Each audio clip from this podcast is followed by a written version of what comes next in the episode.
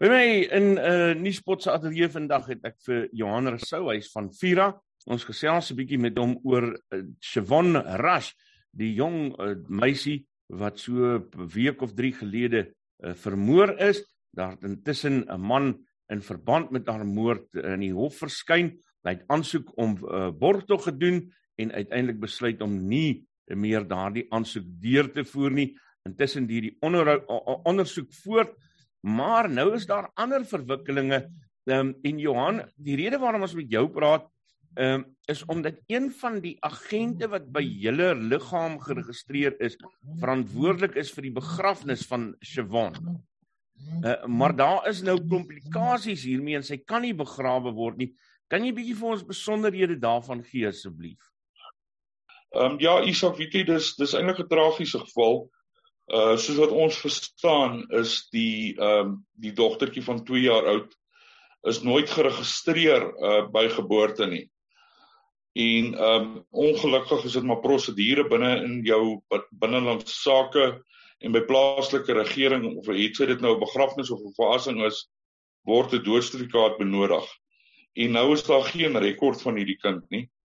Ehm um, so hulle kan nie die dood uh, registreer nie en dit maak dit vir die ehm um, een van ons lede baie moeilik om om natuurlik te doen wat veronderstel is om te doen. Ge, uh jy weet wat veronderstel is om gedoen te word. Ehm um, en hulle kan nie eers die die die kind se liggaam verwyder by die staatslykshuis nie. So die kind na die nadat so ondersoek plaasgevind het al dan nie uh lê dan nog steeds by die staatslykshuis in Germiston. Ehm um, en dit is maar uh ongemaklik vir 'n familie as hulle nie kan afsluiting kry deur die nodige reëlings te kan tref nie. Ehm um, hoe maak 'n mens nou? Ja, weet jy dis dis dis eintlik 'n onsmaaklike geval ehm um, Isak ehm um, jy weet 'n mens weet nie wat is die die die bydraende oorsake hoekom die kind ehm uh, so nooit geregistreer was nie. Ehm um, want dis tog maar die normale dinge pa en 'n ma gaan en hulle vat hulle klein ding is die dokumentasie binnelandse sake en gaan registreer tog 'n uh, uh, 'n kind op op sy naam en op die van. Uh, maar ons verstaan dis nie die enigste geval nie. Ek dink daar's nog um, ander kindertjies wat ook nie geregistreer is nie.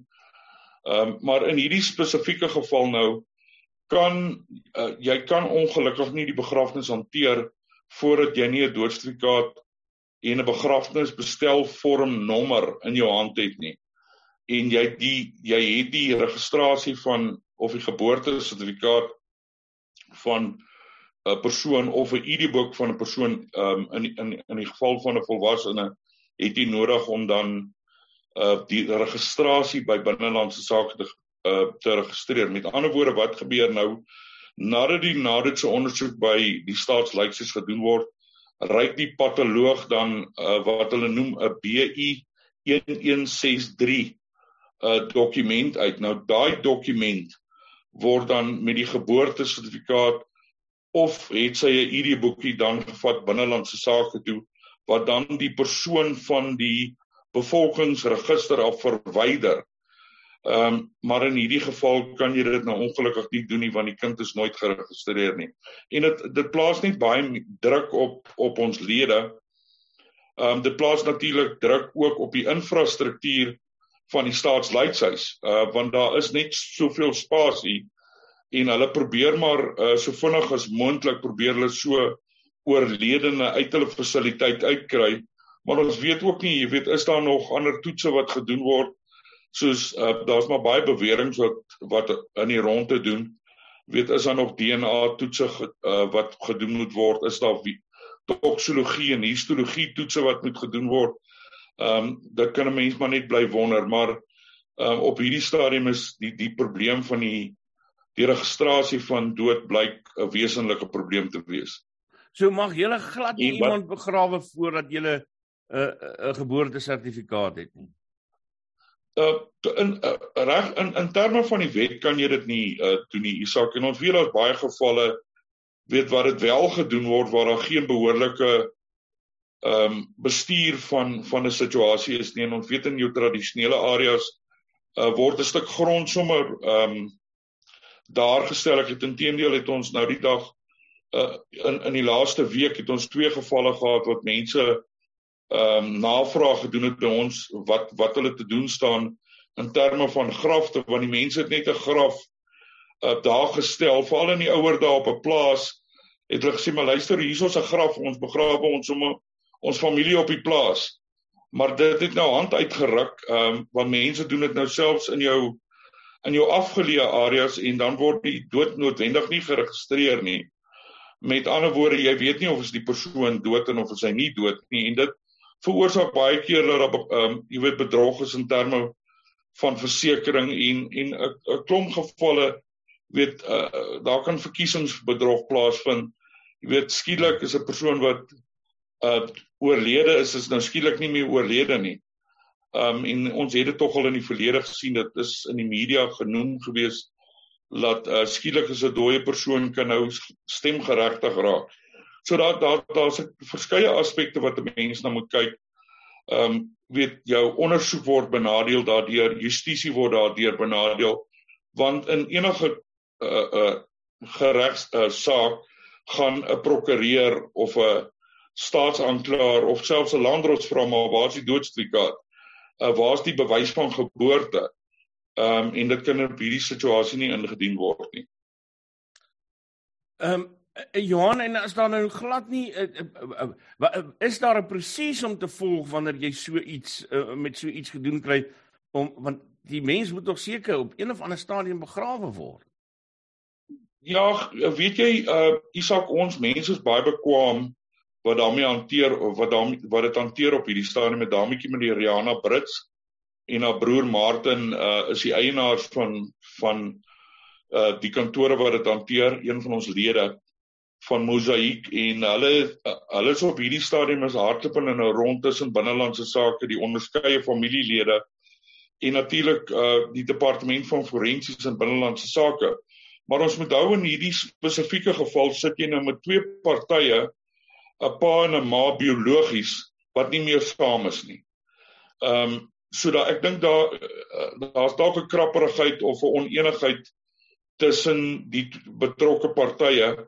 Die biologiese pa ehm um, is noodwendig uh, redelik omgekrap en mense kan dit verstaan want dis die stiefpa wat na bewering uh sy kind vermoor het en uh, so ons moet daai twee partye nou bymekaar uitbring wat reeds gedoen is uh, wat ons verstaan wat gister gebeur het maar nie teenstaande dit alles is is die geboorte nog nooit uh, geregistreer nie so dis 'n proses wat hulle deur 'n hof en binnelandse sake en die SAP moet uitgesorteer kan kry wat hulle in staat gaan stel om dan die dood fisies te kan registreer. Ehm um, en dis waar ons op hierdie stadium staan, maar die proses is aan die gang. Eh, so dat dis dis nie 'n onmoontlikheid dat sy begrawe gaan word nie. Dis nou net 'n langer proses. Absoluut. Nee, sy sal baie beslis uh, begrawe of veras word. Ons het nog nie ehm um, die inligting of sy wel begrawe of veras gaan word nie, maar daar is 'n proses aan die gang om te probeer om die dood gerig, om die die uh, ehm um, Sivon geregistreer te kry en dan natuurlik outomaties direk daarna ehm um, as jy die dokumentasie van die staatslyksies ontvang om dan die dood te kan registreer wat ons lede in staat sal stel om dan die begrafnis te kan hanteer. Ehm um, uh, Johan, wat moet mense doen wat in soortgelyke situasies is? Ehm um, ek dink ehm uh, Isak, uh, skuis tog. Ek dink hulle moet ons maar kontak. Dis altyd 'n probleem want by binnelandse sake ehm um, is daar nie noodwendig altyd die kapasiteit of die kennis um, om om so 'n situ situasie te kan hanteer nie. En om net vir jou 'n idee te gee ehm um, jy gaan na jou plaaslike ehm um, binnelandse sake net om die huwelikstatus te verander. Uh, want die jou pa of jou ma is oorlede en daar's nou 'n boedel. En omdat dit uh omdat dit nie reg is nie kan die boedel nie afgehandel word nie. Um ek is byvoorbeeld getroud, die vrou is oorlede, daar staan nie noodwendig op die doodstrikaat weduwee of weewenaar nie. Um en dit veroorsaak 'n probleem met die boedel en ons sit met gevalle wat binnelandse sake maande vat om dit uit selfs jare vat om dit uitgesorteer te kry. So ons het ons netwerke in plek en reg wat uh die mense nat, uh, natuurlik kan help um om die om die prosesse te bespoedig om om se aangeleenthede te kan help of mense daarmee te kan help. Dankie, is Johan Rousseau van Vira wat met ons gepraat het. Dankie Johan uh vir jou tyd wat jy gemaak het. Baie dankie Isak en mooi dag daar vir julle. Groetnis.